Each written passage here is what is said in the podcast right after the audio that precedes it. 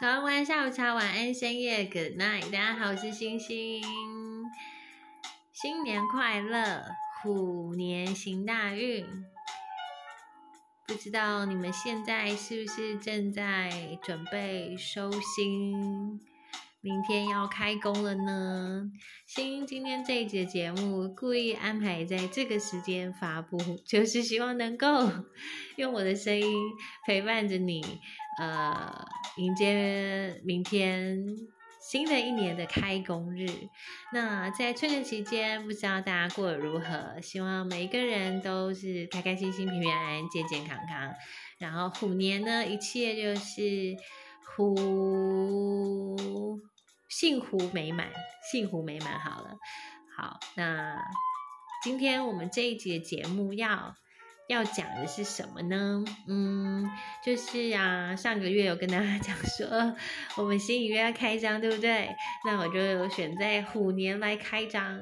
是不是很棒呢？来拍手，好，尴尬了，尴尬了，太久没有。没有没有认真录制节目就变这样，OK？那今天我们要来讲的是什么？讲的是，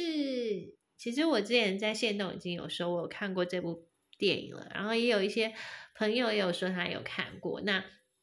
想听看我的想法，所以新在呃新影院里面会介绍一些作品，不管是电影影集还是是书籍等等的作品，或是音乐等等，呃，都会是我自己不专业的。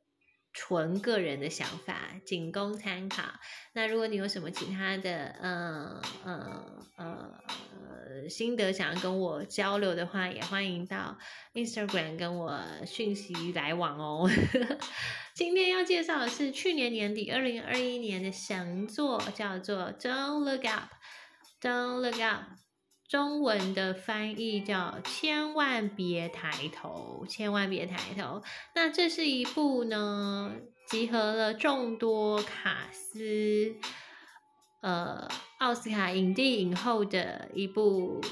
大作品，应该这么说。好像是里奥纳多、珍妮佛劳伦斯、梅丽斯翠普、凯特布兰奇等等。然后呢，在剧里面的那个配角。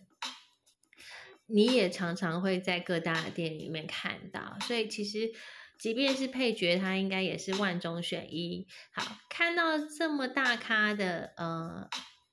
卡斯排列出来，你一定会对于这部片有高度的期待。但是呢，这部片上映之后，嗯，其实评价蛮两极的耶。有一些人他们是觉得非常非常好看，然后好感指数破表啊，值得推，推了又推这样。那嗯，有一些人的的想法就是他的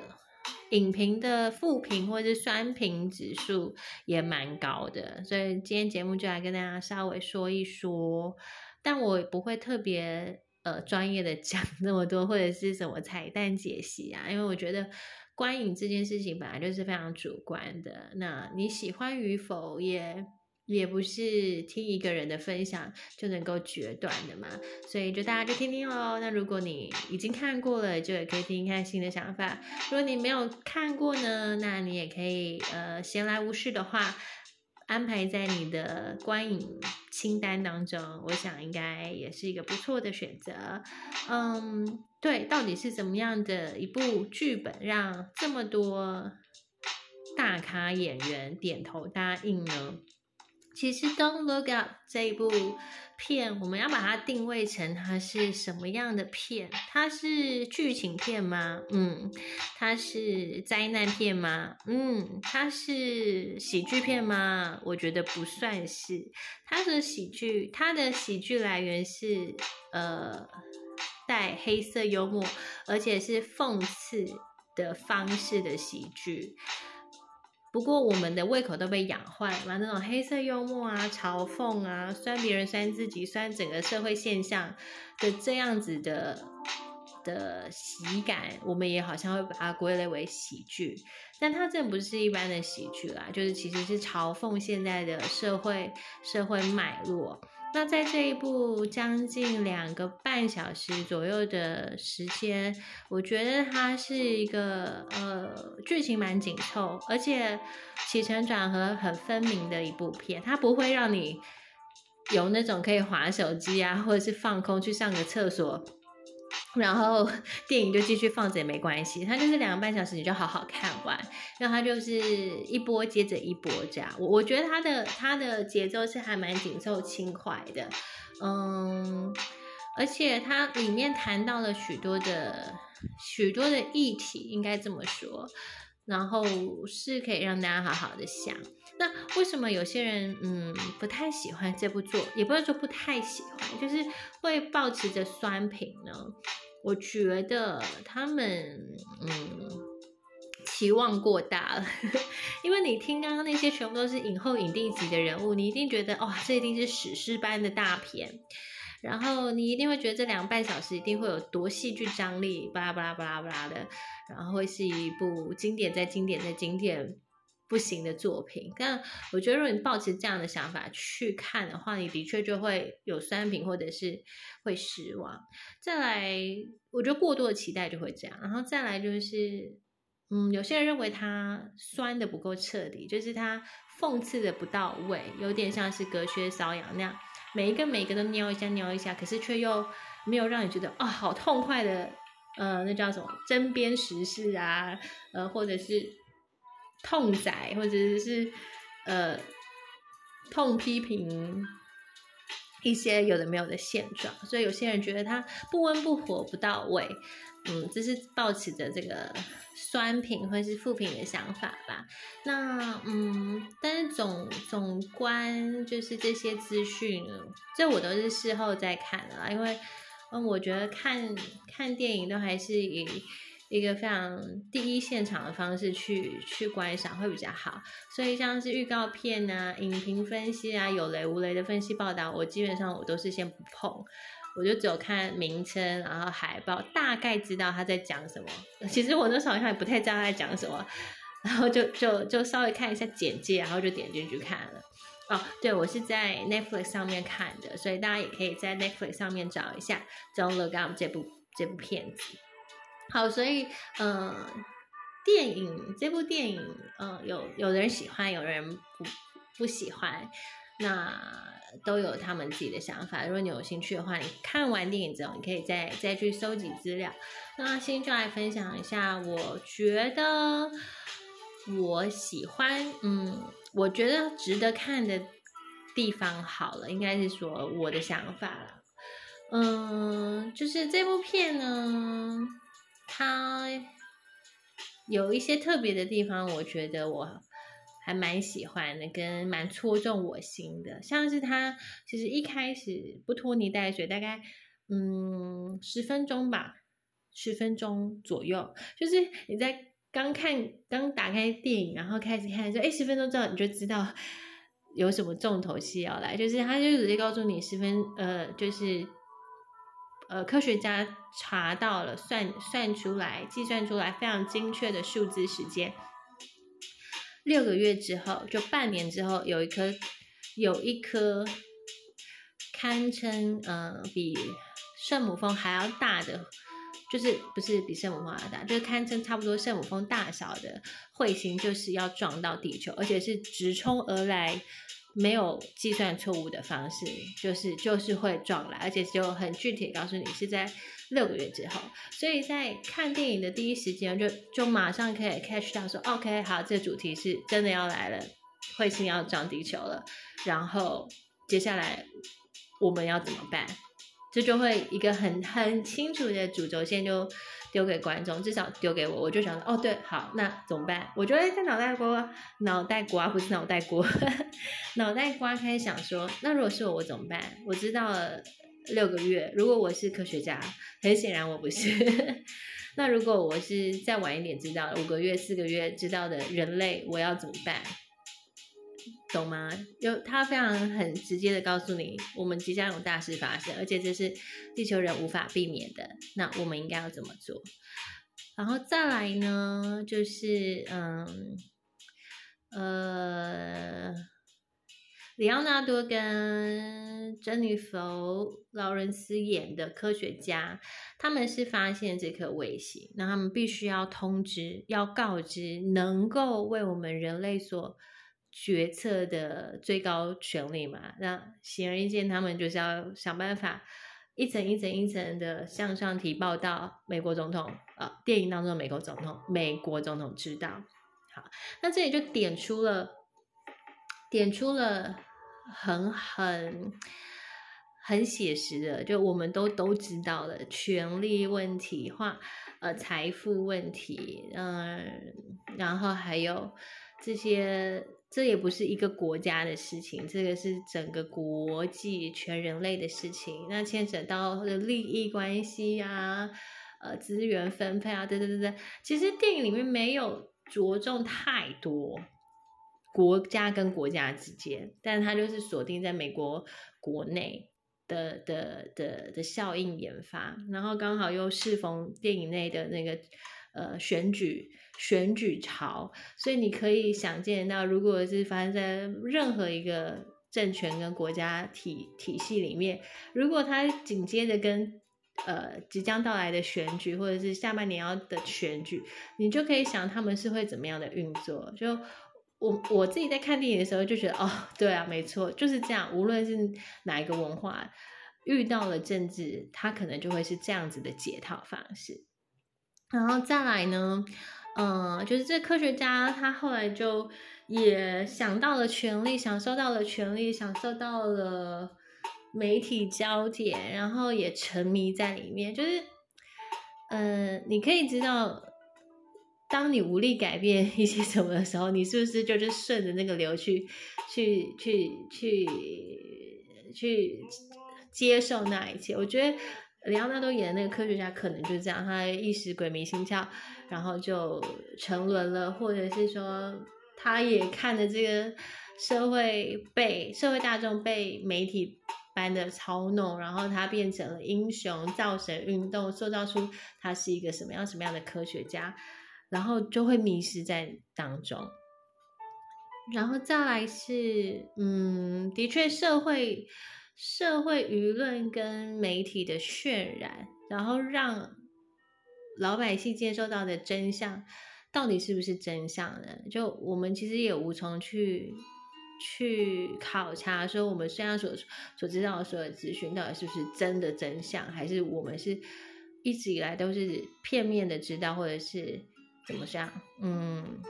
被选择的讯息，我相信我们一直都是这样子活着。因此，人们在意的是真相呢，还是人们在意的是他所相信的事情？所以在电影当中，一定会开始有暴动啊，一定会开始有人相信又不相信啊，宗教又跳出来了啊，然后。嗯，就是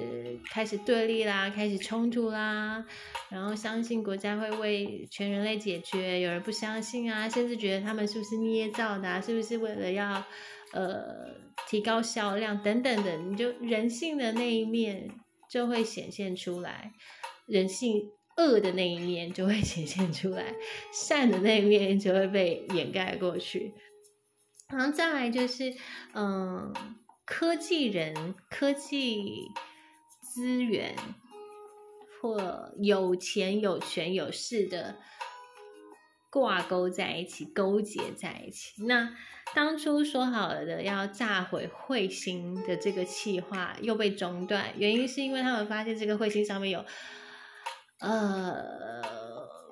产值非常高的稀有的少量的金属，可以作为未来科技的发展。于是呢，呃，那个资讯人才又有另外一个 Plan B。反正总之，这个计划又失败。就是你会发现说，哎，在人命跟这个种呃嗯，我们叫什么种族吗？不对，族群呃不对物种物种，在这物种生存存亡之前。财富跟未来资源可以享有的，比人命更重要。他当然，他们当然希望那个计划会成功。可是计划真的成功吗？那当然是不太成功，所以才会有后面的呃一群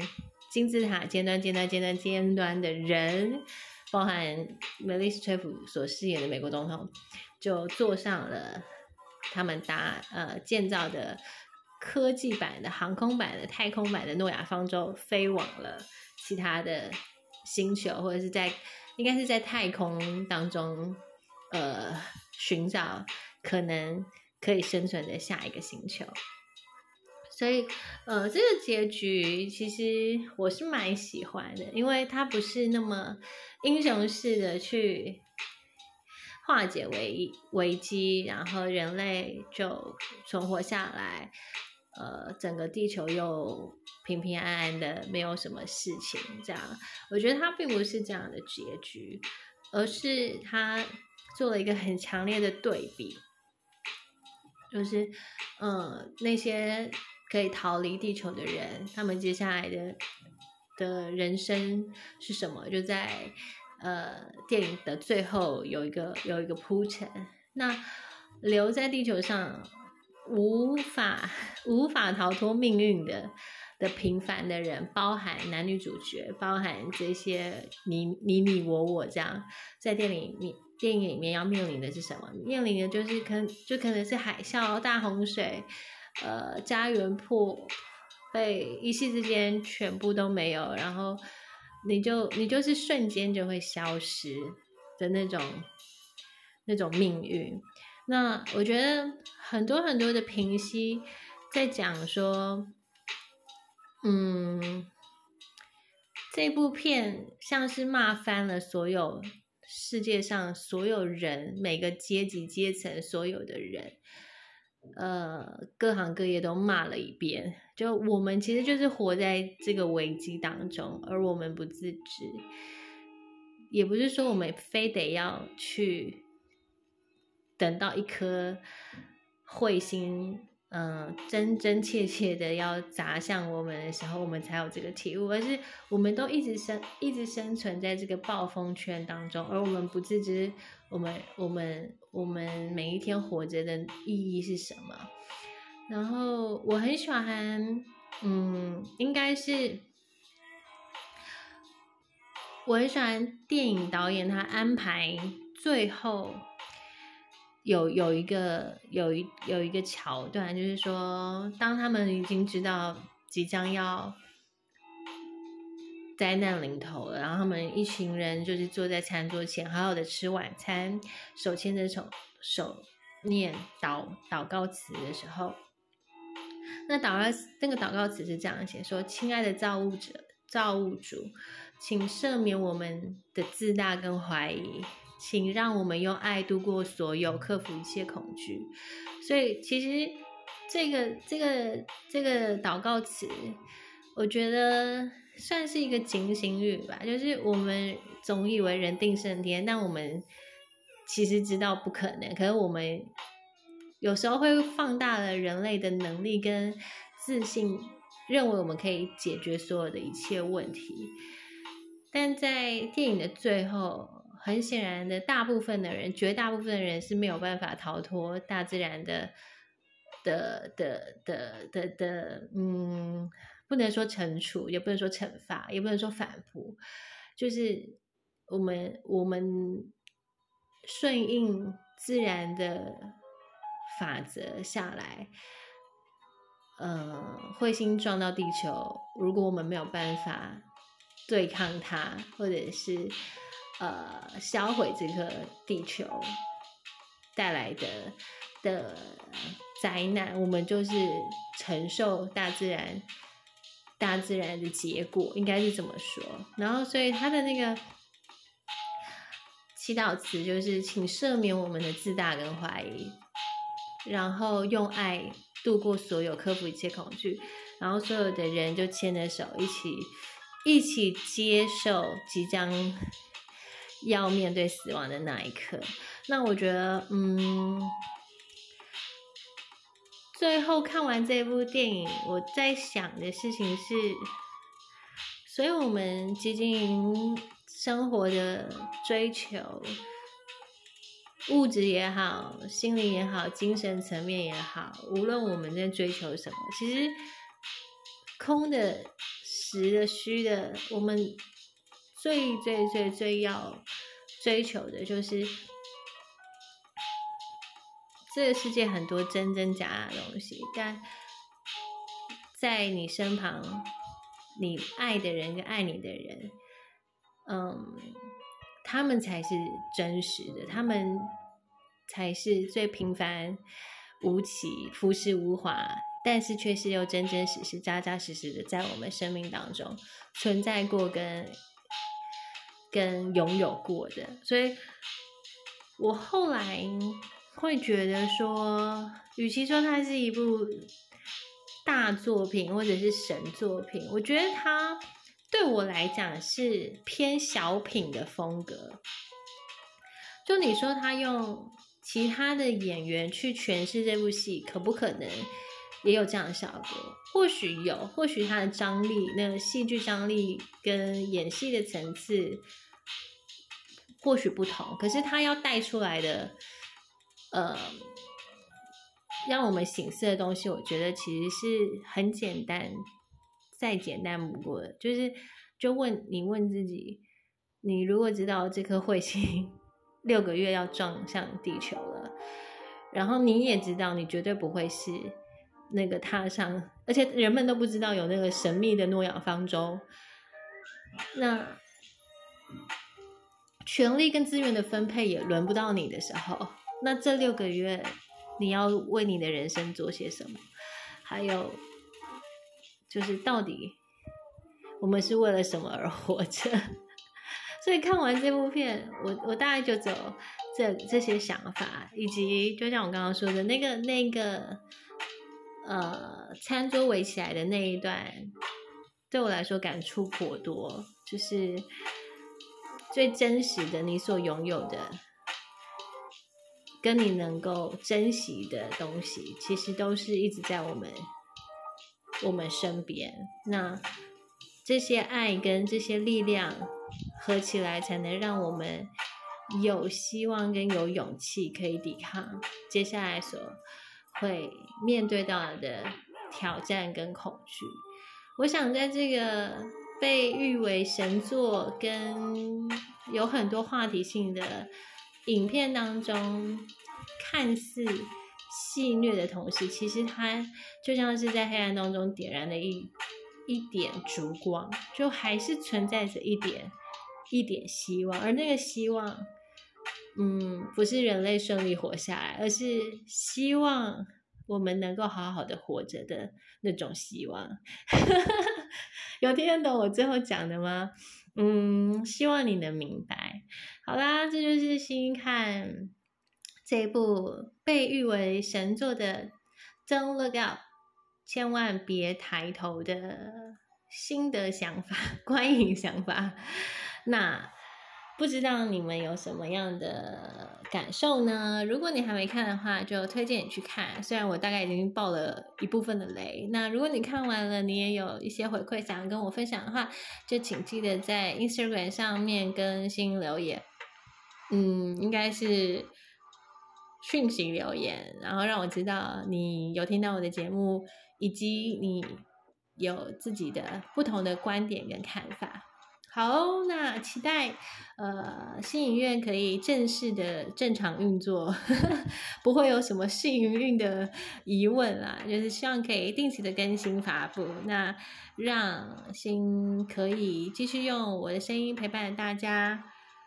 分享一些不错的作品给大家。那废女子系列也会时不时的出来废一下，就看我。的时间 是否许可哦？好，那很开心你收听到最后，希望请你记得呃继续的关注追踪，嗯，准时收听。然后不离不弃，最后还是祝福大家新年快乐，虎年一切平安，幸福幸福美满。呃，开工的人顺顺利利，准备要上课的人也要开始收心操喽。那，嗯，我是星星星夏，谢谢大家的支持，我们下次见，下集见，拜拜。